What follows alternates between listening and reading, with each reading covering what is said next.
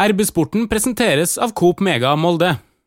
Jeg er enig med det, da, Trond, i gjennomføring av konkurranser. For eh, det er jo da kanskje tidenes eh, best skjulte konkurranse, sånn at eh, det økte jo betraktelig mine vinnermuligheter. ja, dette er for menigheten.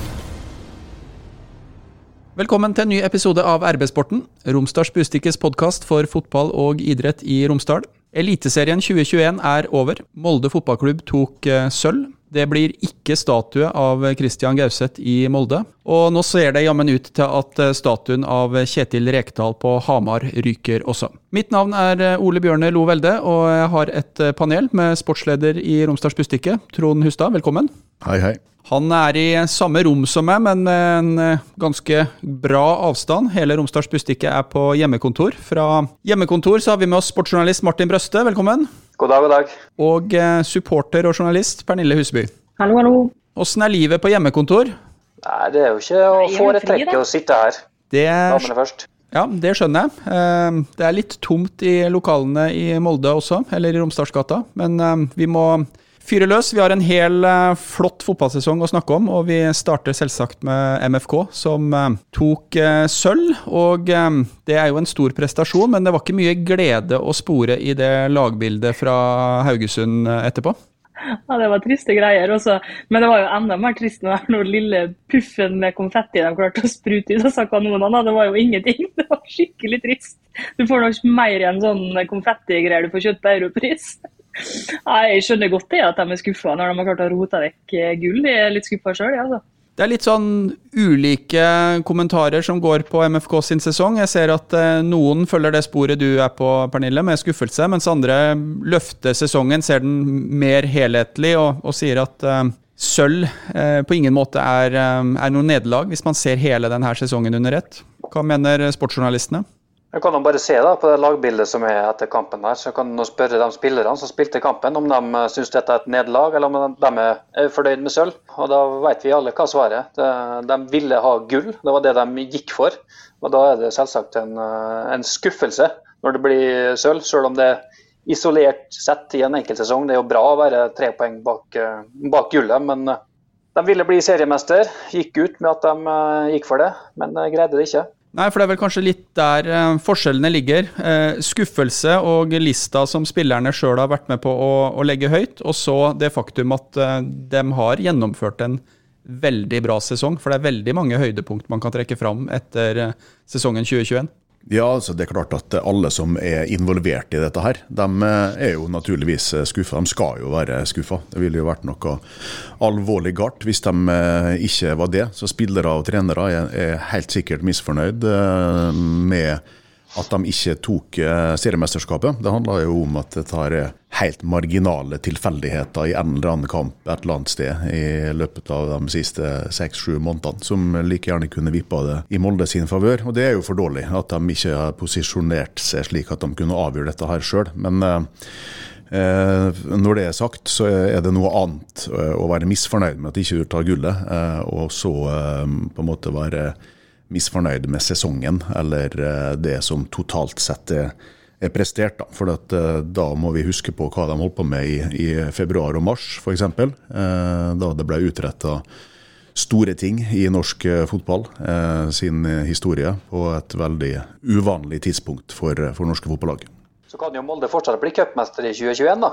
Ja da, eh, sesongen er ikke over. Det er eh, Eliteserien som det er eh, punktum for. Nå, dette må jo være tidenes lengste sesong for MFK sitt vedkommende, så strekker den seg jo godt over et helt kalenderår. Da. Det er vel 14 måneder minst den her 2021-sesongen. Det er et lite maraton. Det var ikke mye hjelp å få i Mjøndalen. Eh, det er vel kanskje Jeg har vel aldri sett noe så hjelpeløst hvis man liksom skulle be om hjelp, og så, og så er det det her man, eh, man, får. Det var jo ikke til å, tro, det som skjedde de første, første fem minutta. Hvordan opplevde supporteren eh, det her? Nei, Nå var jeg med på, på fotballsendinga før kamp, så jeg rakk jo ikke å komme med dit jeg skulle se kamp før eh, Bodø-Glimt leda 2-0. Så det var Jeg banna ganske høyt i bilen på vei ut hit. Eh, men det var som forventa. Martin og jeg snakka litt om det der før kampen, og Martin tippa vel at de kom til å lede 3-0 til pause, så han fikk ikke så veldig feil. Og det, nei da, det var selvfølgelig Jeg skulle ønske det var litt mer spenning, men eh, det var ja, var som forventa. I motsetning til det, Ole Bjørner, som har jinxa hele greia med å gå med gullskjerf på kamp og snakke om at det blir gull. Og så er jeg litt eh, en romsdaling, vet du. Altså min feil, altså? Ja, din og andre kolleger og andre folk som hadde med seg gullskjerf, gjemt eller ei. Det hjelper ikke. altså Du kan ta på deg så mange plagg og lag med klær over den gulldrakta, og den er fortsatt på. Den skal ikke være på før det er sikkert. Det er største jinxinga som finnes. Jeg blir sur. Ja, men, men, Sa ikke du akkurat at du og Martin hadde sagt at det skulle være 2-0 eller 3-0 til Bodø-Glimt til pause? Er ikke det å jinxe? Nei, det, er, jo å mane fram. Man, ja, det er noe annet. Man prøver å mane fram det motsatte. Ja, pluss at det er også rasjonelt å tenke at det er det, det, er det som er den største sannsynligheten for at skjer. Man tar ikke, altså, Hvis Molde hadde leda, altså, måtte bare vinne en kamp for å ta gull, da kan du ha med deg gullskjerf og gullue Du kan male, kroppsmale det i gull, for alt de bryr meg. Altså. Men når Mjøndalen må slå Bodø-Glimt Nei, det, det, det, er så dumt. Det er så dumt. Slutt opp. Kan heller spille tidligere i sesongen. Ja, så, så, disse gullskjerfa som ligger i hauge og dungevis rundt omkring i den byen her, de skal ligge i eh, ei skuff, og så skal de tas fram når alt er klart for all framtid? Ja, det syns jeg. Nei, jeg skal låne to, av, eh, jeg skal låne to av disse gullskjerfene her, for at jeg skal arrangere gullbryllup for mine foreldre nå på fredag. Så jeg ja, trenger faktisk greit. to. Da er det greit. Jeg skulle egentlig ha med meg både gullue og gullskjerf til Haugesund, sånn i tilfelle dette her skulle gå veien. Men heldigvis så glemte jeg den. ja, det er bra, Martin. Det, glemskheten der må bare fortsette. Slutt å huske. Da kan vi prate om eh, MFK. For vi har vært eh, gjennom noen av høydepunkta, høydepunktene, men ettersom det her er den første podkasten etter at sesongen er slutt, så må vi ta og trekke fram noen. Og hvis vi skal se tilbake på 2021, hva er det vi husker aller best med Molde fotballklubb i 2021? Ja, det er jo der, der vi starta sesongen, da, med dette europacupeventyret. At Molde slo Hoffenheim 2-0 i den eh, siste kampen. her. Det var jo helt spinnvilt. og Det er jo noe som eh, kommer til å stå med gullskrift i, klubbens historie til evig tid. Det er noe vi aldri før har opplevd, og sannsynligvis så kommer vi kanskje ikke til å gjøre det nok en gang igjen. Det var helt enormt når Eirik Ulland Andersen, da, som var liksom litt på vei bort bare noen måneder før der, han som blir liksom den store helten og sender sende Molde videre i Europaligaen. Hvem syns dere var artigst? Den første kampen hvor de eh, henta seg inn igjen, eller den andre hvor de avgjorde? Oi, det syns jeg er vanskelig, egentlig. Altså, nei, altså den andre, da var jeg Altså den gleden jeg kjente da når jeg, jeg så den sammen med en venninne, og vi sto og hoppa og hyrte. altså Vi brølte på stuegulvet. sant, og det Nei, Det var helt fantastisk. Jeg tror det må bli den for meg, altså. Men selvfølgelig summen av begge to er jo helt, helt nydelig. Og I studio der dere står, så sto vel Kalle Innbjørg holdt på å slå ned det der noe pleksiglasset som skilte han og, og Knut Anders Fostervold på når Ulland Andersen satte inn 2-0 der. Et annet, et annet, høydepunkt for meg, jeg, jeg, nevnte det vel i en eh, tidligere episode, men um, omstendighetene var sånn at jeg hadde ikke anledning til å være på stadion mot Rosenborg. Uh, og det å følge den kampen på 1 FM med Galle Innbjørg, det var utrolig artig. Og det gjorde at jeg ble veldig misunnelig på alle de som, som var på stadion. Og jeg tror en sånn type kamp trengte virkelig fotballsesongen 2021 og fotballpublikummet i uh, i Molde. For det var en eh, kamp med mye følelser, en kamp som jeg veit gjorde veldig mange stolt. Så den selv om jeg ikke var på stadion, så står den egentlig igjen som et høydepunkt. Og, og Kalle var ellevill, altså, eh, i, eh, på radio. Så den, den, bør egentlig inn på en sånn en liten høydepunktsliste. Noen av de uttrekka fra, fra, den matchen. Så var det jo et like stort høydepunkt at Molde vant på Lerkendal. da.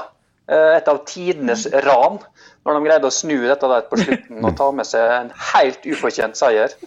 Det smakte jo selvfølgelig veldig godt. Ja, jeg regner med de sikkert slukka lysene på bussen når de kjørte ut av Trondheim, som var inkognito. For det der var det, er det største brekket i norgeshistorien omtrent.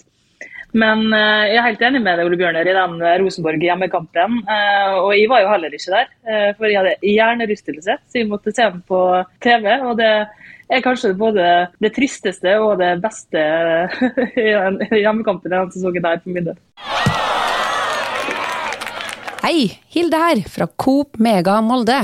Og at Coop Mega Molde finner du alt du trenger til både hverdag og fest. Kom og la deg friste av den lengste ferskvaredisken i Romsdal. Du finner også et stort og bredt utvalg mat fra lokale produsenter. Velkommen til Coop Mega Molde.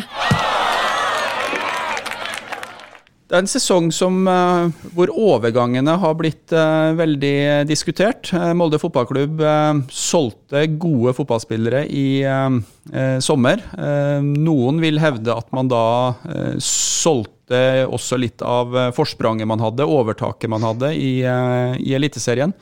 Er det sånn at når man ser tilbake på det, så ble det avgjørende for utfallet? Vi står fortsatt og venter på at du skal spørre meg om hva jeg syns var høydepunktet i sesongen. For det har du jo bedt meg om å gjøre på en mail, så jeg har jo sittet på hjemmekontoret mitt helt fram til lunsj og forberedt meg. Og notert stikkord og jukselapper og øvd foran speilet. Ja, men vet du hva, da tar vi det først, og så skal vi ta det med om vi solgte gullet eh, etterpå. Eh, Trond Hustad, hva er høydepunktet i fotballsesongen 2021? I motsetning til Martin og Pernille, så har jeg forberedt meg grundig, da, så dette her er litt lenger enn eh, den forrige. Ja, men det gleder vi oss til. ja. Vi har ikke fått direkte spørsmål, vi da. Det har vært mange høydepunkt denne sesongen her òg. Og uh, vi kunne f.eks. valgt en av de 27 skåringene til Ohi, eller en av de 27 beste redningene til Linde. Eller vi kunne valgt uh, Twitter-meldinga 31.10 der Pernille skriver at Erling Moe må få sparken. Men ja, Ikke replikk nå, Pernille. Hvordan, hvordan vet du det? Du har ikke Twitter? Nei, Han som sitter ved siden av det på skjermen her, han har Twitter. Han Martin Brøste. Ok, notert. Da blokker vi han. Var det den dagen eh, de spilte mot eh, Strømsgodset i Drammen? Drammen? Nei, det var etter, hjemme, det var etter hjemmekampen mot Rosenborg. Men årets høydepunkt for meg det kom i andre kampen mot Granada på Puskas Arena i Budapest. Det var torsdag 18.3, for da ble Emil Varavik Breivik kasta rett inn i startelveren. MFK spilte om kvartfinale i eh, Europaligaen, og han leverte en strålende prestasjon. Kom rett fra Raufoss, hadde ikke spilt ett sekund i uh, Eliteserien, men han gikk bare ut på banen der, og det så ut som han hadde gjort det 100 ganger før. Det var en en ekstremt imponerende debut, uh, av alle grunner. Det var motstanderen og anledninga, arenaen, omstendighetene oppladninga som klubben hadde hatt, og ikke minst alt det som sto på spill av eh, prestisje og økonomi. Eh, så han fikk et voldsomt ansvar. Han var da 20 år gammel. Eh, men Erling Moe var helt sikker på at han kom til å tåle presset, og det gjorde han. da. Det var sånn ei fantastisk levering, syns de. Både mentalt og, og sportslig. Og etterpå så har han jo gjort mange gode prestasjoner i Eliteserien nå. Og det er, synes det er så deilig å se en 20-åring fra Gossen som bare tar nivået da, med en gang, og så viser at han skal være med på dette her eh, i mange år framover. Og han har ei sånn kraft eh, og et driv, en modighet i spillet sitt, som jeg har veldig sansen for. Og så I tillegg til at han er teknisk og taktisk eh, god nok. da. Så eh, på toppen av eh, alt dette her, så er han altså tøff nok, eller eh, tullig nok til å stå liksom, og si til media eller til Erling Moe at han fortjener å spille mer, og jeg skal være på laget. Sånn sur når han eh, ikke får starte. Det liker jeg veldig godt. Eh, Sjøl om han da konkurrerer med mange av de beste midtbanespillerne i, i Norge. Så det, det, er et eller annet der som er sånn offensivt og politisk eh, ukorrekt. da. Det er befriende når en eh, ung romsdaling kommer opp og, og bare sier det høyt. Og så eh, vil jeg avslutte med at det er veldig viktig for eh, alle i og rundt eh, MFK, dette her med lokale profiler. Du trenger den identiteten og samhørigheten osv. Som er viktig for supportere, sponsorer, Romsdals Budstikke, ikke minst. Så når Gregersen og Aursnes er borte nå, og du har en Hestad uten kontrakt, du har en Eikrem som har x antall sesonger igjen, så er det selvfølgelig av enorm betydning at klubben får opp nye spillere fra fra nærområdet, eh, som ikke bare er med i stallen, men som er gode nok til å spille ofte og prege laget, sånn at de kan bli en publikumsfavoritt. Og Derfor er Emil Varavik Breivik eh, mitt høydepunkt, og forhåpentligvis en bærebjelke i framtida. Umiddelbart så vil jeg bare si at uh, forberedelser er uh, undervurdert. For det her var et uh, perspektiv som vi, som vi, trengte. Jeg ble nesten litt, litt, rørt innledningsvis, og så klart har du rett, Trond. Altså en, en ung spiller fra eget nærområde som har tatt turen ut i Obos, blitt fotballspiller, blir kasta til Ulvene og leverer. Det er jo egentlig ikke noe mer enn en fotballredaksjon har, kan, kan, ønske seg. Det er jo et et lite, et lite filmmanus. og Gjennom en fotballsesong så er det jo en del sånne filmer, og det var egentlig greit å få, få spilt av den nå, syns jeg. Da vil jeg se filmen om Rosenborg. Ja, for det er egentlig neste, neste tema. Jeg nevnte innledningsvis at eh, nå står faktisk eh, statuen av Kjetil Rekdal på Hamar i fare. Og um, vi kan kanskje fleipe om den statuen med Gauseth, men eh, Rekdal, hvis han hadde blitt på Hamar nå og gjort uh, HamKam til et uh, ordentlig lag i Eliteserien, så tror jeg faktisk at den kunne ha blitt reist, sånn som jeg kjenner hedmarkinger. Men uh, nå flørter han med Rosenborg. Hva tenker vi om det? Dette her er vel mer enn flørting. Dette her er vel, De har vel kommet uh, godt ned i Trond? Ned i forhand, for, for, forhandlingene her, Pernille. Så dette der kommer okay. helt sikkert til å bli, og kanskje eh, han, eh, blir han presentert òg, før eh, vi kommer på lufta. Så her ligger det til rette for fantastiske scener neste år. Altså, jeg er for det første så er det jo helt nydelig for norsk fotball hvis Kjetil Rekdal blir Rosenborg-trener. Det går ikke an å være sur på Kjetil for det om han tar denne jobben der. Det er helt konge. Det kommer til å bli ikke kjedelig i det hele tatt. Masse action eh, og masse styr kommer det til å bli. Eh, både internt i Rosenborg og i, eh, i media. Og så er det faktisk sånn at de nesten foretrekker at Kjetil Rekdal kommer hit som Rosenborg-trener. For hvis han har kommet hit med HamKam, så jeg er helt sikker på at han har kommet til å klare å skåre eller vinne mot Molde på Aker stadion. Jeg er litt sånn eh, blanda på det. Eh, som uh, dem som har lytta mye på podkasten kanskje har fått med seg, så um, har jeg en viss sympati for HamKam. Og nå har Kjetil Rekdal gjort en kjempejobb der. det jeg tror, er at det er kanskje to klubber i Norge som ville vært fristende nok til at Kjetil innleder samtaler. Den ene er Molde fotballklubb, og den andre er, jeg vil si, dessverre, Rosenborg. Og er det én ting Rosenborg trenger nå, så er det en fotballtrener som Kjetil Rekdal. Og Da tror jeg det styrerommet der skal droppe å tenke formasjon, og så skal de tenke menneske. Hvem er det som kan komme inn der og symbolisere noen ting for den klubben, som viser en retning framover? Og det syns jeg faktisk Kjetil Rekdal, med den jobben han har gjort i HamKam, er litt leit å si det, men riktig mann. Jeg tror han kan gjøre en svært god jobb for Rosenborgs omdømme. Og jeg tror faktisk han er en av få som kan tåle å ikke få umiddelbar sportslig suksess med RBK, og likevel overleve som trener. Er jeg for positiv? Ja, altfor positiv. Vi vil jo ingenting av det her for Rosenborg, så de burde jo egentlig bare finne en annen fyr. Eh, nei, altså jeg synes det er trist eh, hvis det skjer. Det synes jeg. Eh, men det sier jo litt om Rosenborg, da, at de tyr til Nå er jo ikke Åge Hareide romsdaling, men han er, han er jo litt romsdaling. Tyr til romsdalinga igjen og igjen. De vet hvor kvaliteten ligger. Jeg håper jo på en måte at han lykkes, men samtidig at han ikke gjør det. da. Jeg tror faktisk at Petter, Sjå, Petter Sjåholm var den neste mannen på lista til Rosenborg, men han spilte for, go spilte for god fotball. ja, han eh, må vel først eh, finne ut av det med to, to klubber, og, så, og konkludere, og så eh, kanskje Rosenborg om noen år, da. Uh, mer, det er derfor at det tar litt tid med treff. vet du, at Jeg må bare få avklart dette med Rosenborg først. kan, det er han eh, Koteng han sitter i uh, knallharde diskusjoner nå med fotballeder Arnt Sommerlund i sportsklubben Treff for å finne ut av dette. her. Altså.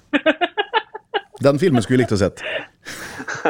ja, skulle vært streama direkte. Men uh, nå snakka vi om uh, Rekdal og Rosenborg, og vi sier um, perfekt mann for Rosenborg. Sånn som denne sesongen landa, så tror ikke jeg at uh, Molde fotballklubb er på trenerjakt. Men kunne Kjetil Rekdal ha vært like perfekt i Molde fotballklubb i, en, i framtida? Det er jo kanskje noe som er mindre sannsynlig hvis han blir RBK-trener. Ja, dette her er jo et minefelt, Ole Bjørner. Du, du kjenner jo historien. og etter sin runde rundreise så var det jo sånn at uh, Kjetil uh, kanskje var på vei inn i, inn i MFK igjen. dette her var vel i 2008. Ja, det var det året jeg Ja. Når du kom eh, og ble redaktør her, Ja. så eh, var han jo i, i Molde en del og eh, engasjerte seg litt i Aker-akademiet. Og det var vel en, en tanke i MFK i hvert fall, om at de skulle prøve å involvere han mer i, i klubben. Og så dukka jo det opp det jobbtilbudet fra Ålesund som gjorde at han gikk dit. Da skrev jeg en kommentarartikkel som egentlig var veldig positiv til Kjetil Rekdal. Men jeg skrev 'takk for alt', Kjetil. Eh, Og så ble det en del føss rundt dette her i forskjellige leirer etterpå. Men altså, det ligger eh, Altså, tida går, eh, og det har rent mye vann i eh, elva og fjorden både på Rekdal og i, i Molde etterpå. men dette stammer jo fra en, en feide eller en slags konflikt som oppsto mellom Kjetil og familien Rekdal og Molde fotballklubb eh, når eh, Sindre Rekdal ikke fikk eh, forlenga kontrakten sin med MFK, og fikk beskjed om det rett før jul i 1998, eller rundt der. Så det har vært litt betent. Nå har jo Kjetil vokst og modnes. Det har jo klubben gjort òg. Mange av de folka som var i styret den tida, er jo ikke der lenger. Sånn at de tror ikke at det er utenkelig. Eh, Men jeg tror fortsatt at det er litt tidlig eh, for begge parter. Men eh, det hadde vært artig å se det en gang. Mer om den um, situasjonen som du beskriver nå, er, finner man jo i Kjetil Rekdals uh, biografi. Uh, sånn at dette er ikke noe som vi står og prater om som ikke er, ikke er publisert. Og det er en av de aller beste fotballbøkene, og han er et uh, ganske spennende person å, å lese om. Så hvis noen har lyst til å bruke jula på det, så anbefaler jeg biografien om eh, Kjetil Rekdal. Vi må tilbake til det respons. Det er ikke spons. Eh, Nei, nei, nei, det holder vi ikke på med. Eh, Det er um, Nei, for det, det må du merke. vet Du Du må si fra om det. Nei da. Det, Hvis jeg anbefaler en bok, så er det for at jeg syns den er verdt å lese. Ikke for at noen har sagt at jeg skal anbefale den på Jeg skulle ikke si sosiale medier, men på podkast, da. Og når de har lest ferdig om han Rekdal, så kan de lese boka til en Åge Hareide. Så har de eh, begge disse Rosenborg-trenerne. Ja. Ja, der, eh, Ettersom du bringer det på bane, eh, så er Rekdal-biografien hvis Jeg skal, jeg vil i hvert fall ha lest dem i den rekkefølgen, da. Eh, Og det har ingenting med Åge Hareides karriere å gjøre, men det er en rangering av to spurtsbøker. Det må være lov. Jeg vil tilbake til sommeren. Jeg, jeg har lyst til å, å høre med dere, eh, eksperter og supportere. Eh, var det riktig av eh, Molde fotballklubb å eh, selge Fredrik Aursnes og eh, Markus Holmgren Pedersen i eh, sommer? Og har det spilt inn på det resultatet som vi til slutt fikk, en andreplass? For å svare på det siste du spør om, så er jo svaret ja. Det har jeg til og med skrevet en, en sak om. Eh, Den dagen Fredrik Aursnes ble solgt, så leda Molde Eliteserien. Jeg tror de var faktisk åtte poeng foran eh, Bodø-Glimt. Eh, Glimt da, som hadde spilt én kamp mindre, da. så å si fem poeng. da. Men etter dette der så kom det jo ei rekke med stygge bortekamper for MFK. Tapte mot Viking, Kristiansund, uavgjort mot Vålerenga. Det var var flere bortekamper der der de røyk. og Det tok ikke så lang tid før Glimt tok igjen Molde og, og gikk forbi. Og Det sa til og med Erling Moe sjøl i et intervju med, med Discovery der, at uh, når Aursnes forsvant, så gjorde det noe med balansen i laget. og Det brukte de litt for lang tid med å få retta opp i. Uh, klart, eh, nå, med unntak av to, to tap på rad, så har høsten vært eh, rimelig bra for Molde sin del. Da. Har kommet seg. Men uh, det var nok et stort tap å, å selge Aursnes der. Det er det ingen tvil om. Det var et stort tap, og jeg er helt enig med Martin sin analyse. Eh, Det lette måten å si det på er vel kanskje at Molde tapte gullet der. Samtidig så var det et uunngåelig salg, eh, mener jeg. Det gikk ikke an å holde Aursnes eh, lenger. Han uh, har vært her i fem-seks år, gjort en fantastisk jobb, uh, og tida var inne. Han hadde tre-fire måneder igjen av kontrakten sin, og MFK fikk faktisk en del penger for han, så vidt vi vet, uh, på tross av den korte tida han hadde igjen. Og eh, Aursnes var klar for å dra, og da vet vi av erfaring fra tidligere at hvis du tvinger noen spillere som har levert over tid, gjort jobben sin og er modne for å reise, eh, og snart er ute av kontrakt til å bli igjen, eh, så er de ikke like gode uka etterpå eller eh, resten av sesongen. Så det var uunngåelig. Men derimot så kan du diskutere Markus Holmgren Pedersen, som også var en økonomisk suksess for MFK. Men den timingen på det salget, den var jo mer risikofylt på det tidspunktet. Fordi at MFK hadde ikke backup De hadde solgt Vingo, Bingo, og Haraldseid var skada. Sånn at de sto jo faktisk pga. at overgangsvinduene eh, til Norge og eh, Europa ikke er sammenfallende, så sto de jo en hel måned uten høyreback, egentlig. eh, Med masse viktige seriekamper og europakamper. Så det var en gambling som eh, ikke ble katastrofal, men som heller ikke slo positivt ut. Når du snakka om Aursnes nå, så tenkte jeg, går det an å strekke det så langt at man sier at eh, i det korte løp så var det dumt for eh, Molde fotballklubb å selge Aursnes, men hvis man ser på klubbbygging og det å bygge en troverdighet for å være en klubb som utvikler spillere, sender dem videre og, og tjener penger på det, så, så kan det vise seg å være en, en riktig avgjørelse, for at det gjør ting med attraktiviteten til MFK i et lengre, lengre løp. Ja, det syns jeg absolutt. Eh, hvis eh, MFK skulle ha valgt å tvinge han til å bli, eh, så hadde jo det blitt eh, mye føss rundt det. Eh, det kunne blitt eh, en slags dårlig reklame internt i, eh, i fotballfamilien. Altså, da ser jo andre spillere at oi, er det sånn eh, det har blitt i Molde nå? Eh, etter at du har prestert i fem og et halvt år og kommer på landslaget, og så får du ikke lov til å følge drømmen din likevel. MFK har jo tvert imot markedsført seg på, på nettopp det motsatte. Og samtidig så eh, hadde jo da enten Sivert Mannsverk ikke vært Molde-spiller nå.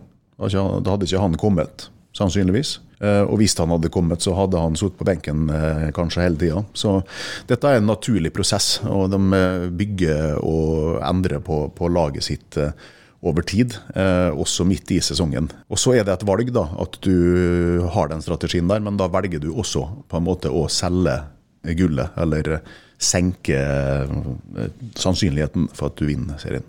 I det bildet der så syns jeg også det er veldig interessant at to av de spillerne som du trekker fram, er eh, to spillere som i ganske, en ganske stor del av sesongen har vært på eh, utgående kontrakt og egentlig visst at de skulle bort. Eh, OI blir toppskårer, til tross for at han vet at Molde-eventyret er, er over, at han skal videre. Og Andreas Linde har vist seg igjen og igjen som Eliteseriens beste fotballspiller uten kontrakt. Ganske imponerende, for det synes jeg Det er ikke bare suksesshistorier eh, når det gjelder eh, den der type avtale hvor du liksom skal fullføre noe, eh, men du vet at du egentlig skal noe annet bare tre-fire-fem måneder fram i tid. Absolutt. Det viser jo en slags sånn profesjonalitet og ærgjerrighet, kall det det, da, som vi vet at begge disse eh, spillerne der eh, har. Det sier litt om hvilken person de også er, ikke sant? Eh, hvilken type du er. Når det gjelder OI, så visste jo han hvor han skulle hen. Han hadde jo ordna seg en en feit sign-on-fee sikkert, og en god lønn, så han skulle jo bare spille ut. Han har jo på en måte ikke så veldig mye mer å bevise da, etter juli eller august, så det er jo kanskje greit for hans sin del. Eh, Linde har jo hatt mye å spille for, han er jo nå ute etter å få signere med en større klubb i en annen liga, så han har jo på en måte spilt for seg sjøl helt til den siste kampen, og vært på utstillingsvindu for, for egen eh, vinning eller suksess. Det er et eh, knippe publikumsfavoritter det her, eh, Pernille. Hvordan blir det å gå på stadion uten OI og Super-Linde og Aursnes vet vi nå litt hvordan det, det føles. Han, eh, det, det kom en erstatter der ganske fort, men eh, det er jo en spiller som eh, MFK-publikum har blitt veldig glad i, det også. Ja, og så er det vel også snakk om at hester kan forsvinne, så det blir veldig det blir trist. Det blir en tilvenningsprosess.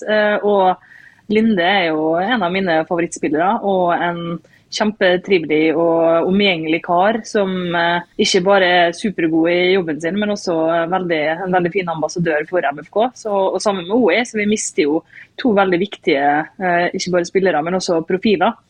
Eh, Så jeg er veldig spent på hvordan MFK skal lappe igjen det, det hullet der. Jeg håper de gjør det, at de ikke henter en eller annen sånn som må utvikle seg i ti år før den blir god. Jeg skjønner hvorfor man gjør det, altså, men skal man vinne, så må man ha spisser som skårer mål. Men jeg, nei, jeg kommer til å gråte en liten tåre når eh, jeg ikke får se Andreas Linde, Linde mellom stengene eh, på Aker stadion. og det gjør jeg. Vi har jo akkurat eh. Ja, Ja, det er faktisk det. Det tror jeg altså, at det er. Han er ikke bare Eliteseriens beste, men kanskje også Moldes beste gjennom tidene. ja. Og da forsaker vi ganske mange andre gode, men eh, jeg var litt jeg eh, det, altså. uforberedt på den, Martin, men eh, når du sier det, så, så eh, gir, det, gir det mening, i hvert fall i forhold til de eh, 15 åra jeg har eh, fulgt MFK tettest. Og der er det jo et knippe med keepere som du både kan bli glad i ut ifra personlighet og, og, og, noen store øyeblikk. Og så har du jo også noen som eh, Ja, du har jo eh, Ørjan eh, Nyland, som er landslagskeeper og har spilt i, i, både Premier League og Bundesliga. sånn at det er jo et, er et bra selskap, da.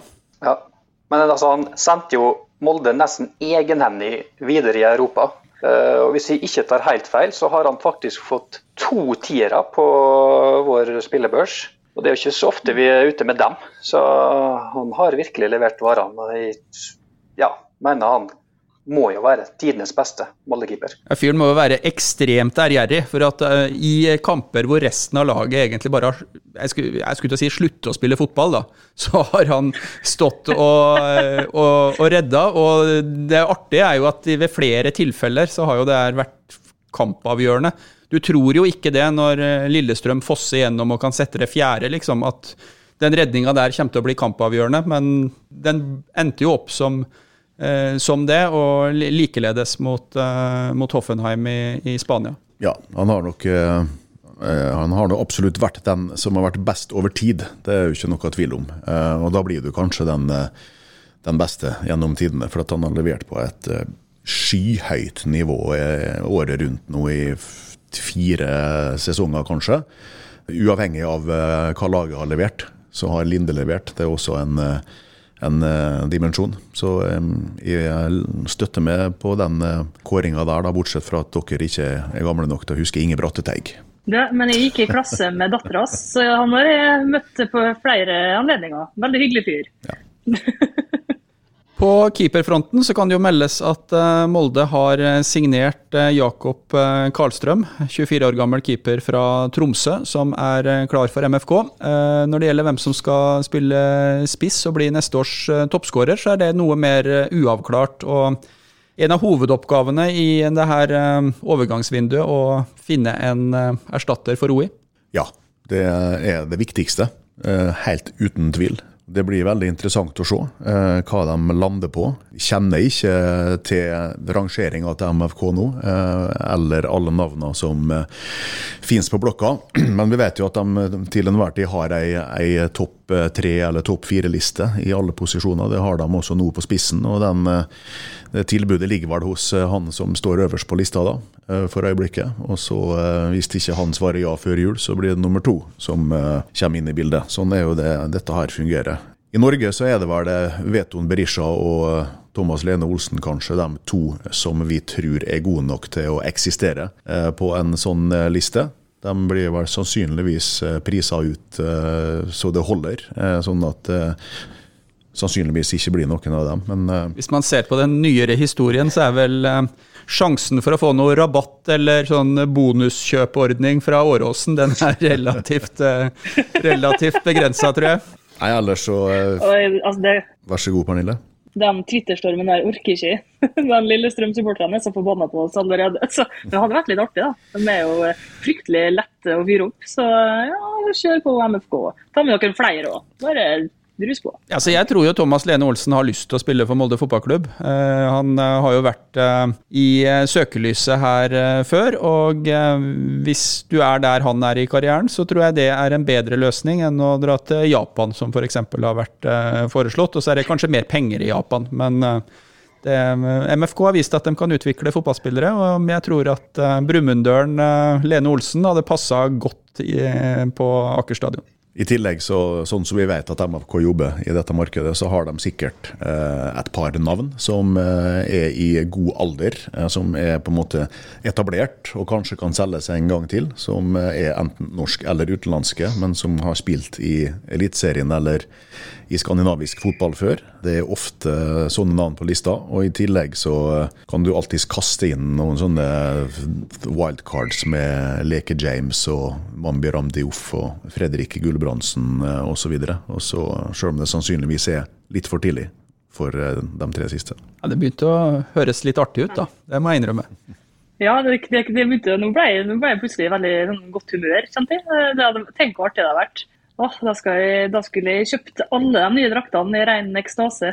Men altså, de skal jo ikke bare ha, ha spiss. MFK skal helt sikkert uh, ha inn en kantspiller òg uh, før neste sesong. Det handler jo om uh, at Eirik Hestad er på utgående. Kanskje han eh, forsvinner. Det handler om at flere andre av kantspillerne er usikre, har vært skada, har korte kontrakter igjen. Så eh, det er helt sikkert også en posisjon som blir jobba med. Og midtstopper må de ha. Fordi at eh, der er Gregersen på en måte ikke erstatta. Sinjan eh, regner vi med blir solgt eh, i løpet av 2021. Så jeg tror at det kommer til å skje ganske mye på, på den fronten her fram til mars.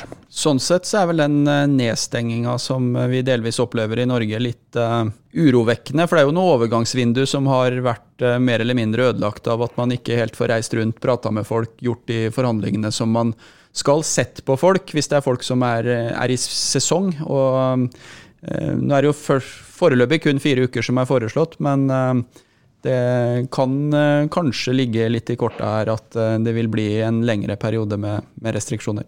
Så kan ja. det nevnes der at Da er kanskje ikke fotball heller det viktigste, men eh, hvis man ser det i et litt lengre løp, så er det jo flere overgangsvinduer som har blitt prega av koronasituasjonen. Det er klart. Så i den jobben, eller jakten på den neste spissen, eller den neste midtstopperen, altså de yngre spillerne som MFK også følger, ikke minst på, på aldersbestemte landslagssamlinger og turneringer og sånn, så vil jo dette her legge begrensninger på det. Men, men når, det, når, det, gjelder førstevalget som uh, ny midtstopper eller som spiss, så er den jobben ferdig, og den lista er laga. Så de, det blir kun eh, prat og papir som står igjen der. Jeg tror ikke de trenger å se noen av de spillerne i aksjon flere ganger. Det året Erling Moe ble årets romsdaling, så husker jeg at jeg så den lista når jeg var utdelte eh, prisen. For da hadde den en sånn tavle med posisjoner, og så sto ikke navna, men det sto initialer. Og så kunne du se hvor mange navn som var på de ulike posisjonene, og så så man at eh, det var noen eh, hull som, som måtte tettes. Så nå står det VB, eller LJ, da, på spissplass? Jepp. Det kan man i hvert fall våge å tro. Eller TLO. Hei, Hilde her, fra Coop Mega Molde. Kom innom og se vårt store, brede utvalg av mat fra lokale produsenter. Vi har også gavepakker til den som har alt. Velkommen til Coop Mega Molde! I uh, forrige episode av RB-sporten så hadde vi besøk av uh, Magnus Wolff Eikrem og uh, Christian Gauseth. Og for første gang i podkastens historie så kan vi varte opp med en premie. Det er julegenseren som Magnus hadde på seg i forrige episode av RB-sporten. Spørsmålet som ble stilt, det var hva ble Christian Gauseth sitt kallenavn etter at han skåra sitt første mål for Molde fotballklubb mot nettopp eh, Haugesund. Og eh, Trond, du eh, har stilt din e-post til disposisjon for denne konkurransen. Kan du si litt om, om responsen? Ja, altså, Jeg ble jo uh, utsatt for uh, grov og, uh, og ondsinna mobbing av Kristian Gauseth i, i forrige podkast. Fordi at jeg av Helt enig med Kristian pers Gauseth. personlige si. årsaker ja, nekter å ta del i galskapen på sosiale medier. Så nå har jeg jo bestemt meg for at den pensjonerte fotballspiller i Mjøndalen ikke skal få lov til å å ødelegge jula mi. Så jeg har reist meg og bestemt meg for å uh, fortsatt stå utafor dette fellesskapet her. Så uh, mamma, hvis du hører på, så ønsker jeg meg en telefax til jul. Så skal vi fortsette å, å, være den analoge mannen i den digitale verden. Men det viser seg at det er ganske mange av lytterne våre i hvert fall, som eh, liker å sende e-post fortsatt. Eh, selv om quizen til Magnus Eikrem egentlig var et ganske vanskelig spørsmål, eh, så var dette her eh, eh, noe som fikk inn over 50 eh, svar på e-post. Det var en lytter som foreslo at Gauseth ble kjent som The Boy etter den skåringa. Og så var det hele fire stykk som mente at kallenavnet til Christian Gauseth må være fotball-TV-klovn. Fire? Ja, fire. De kom på forskjellige dager og fra forskjellige steder i landet, så jeg tviler nesten på at det er en organisert eh, kampanje også. Men uansett så var det altså rundt 45 innsendere som hadde riktig, og som da altså svarte L rifle. Ifølge Gauseth så er det altså lagkameraten Markus Andreasson som kommer med denne kommentaren her eh, etter superskåringa i Haugesund, og som dermed er opphavsmann til, eh, til kallenavnet. Så um, trekninga ble gjennomført av undertegnede og Magnus Eikrem. Alle med rett svar fikk tildelt et nummer, og så valgte Magnus et tall fra 1 til 45. Og vinneren av årets Christian Gauseth-quiz, det er Rune Borge Olsen fra Molde. Takk, takk.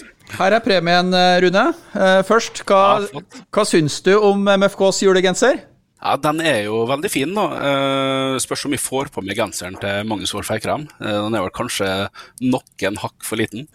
Ja, Den er large. jeg tror det går bra, jeg, altså. Det går, eh, tror det går. Ja, jeg tror det. Bra. Ja, Ja, ellers eh, må jeg jo si at eh, jeg er enig med det, da, Trond, i gjennomføring av konkurranser. For eh, det er jo da kanskje tidenes best skjulte konkurranse, sånn at det økte jo betraktelig mine vinnermuligheter.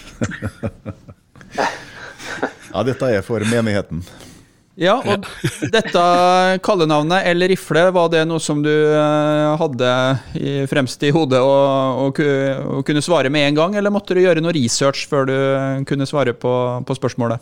Nei, det kunne jeg svare på med en gang. Ja. Vi, eh, vi er jo en gjeng som har eh, gått på kamp på Aker stadion i mange år, og vi husker jo, vi husker jo Gauseth fra Molde-tida i, i Adeccoen når han ble kalt for L. Rifle. Hva du syns om årets sesong?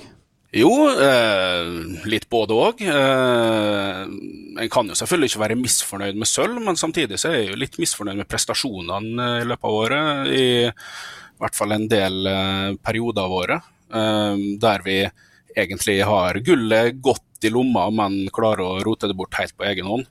Og samtidig at vi eh, får muligheten til å ta det igjen på slutten, men også eh, takke nei til den muligheten. Så det er Eh, Litt blanda følelser, rett og slett.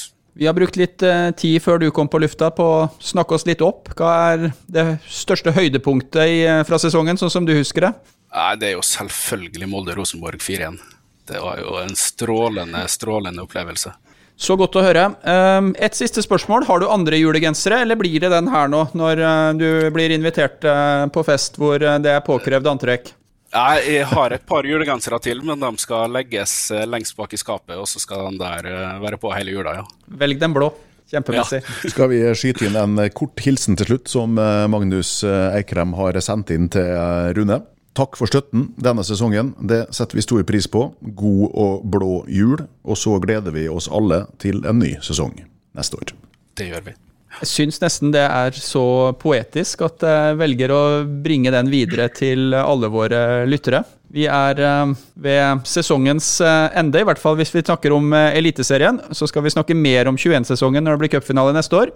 Men til alle dere som har lytta på oss gjennom fotballsesongen 2021, tusen takk for eh, følget. Vi ønsker eh, god jul, og eh, hvis du kjeder deg i jula, så kan du gå inn der du lytter podkast og høre gjennom noen episoder av RB-sporten. Hei sann! Her er jo Hilde fra Coop Mega Molde. Kom innom og la deg friste av den lengste ferskvaredisken i Romsdal. Velkommen til Coop Mega Molde.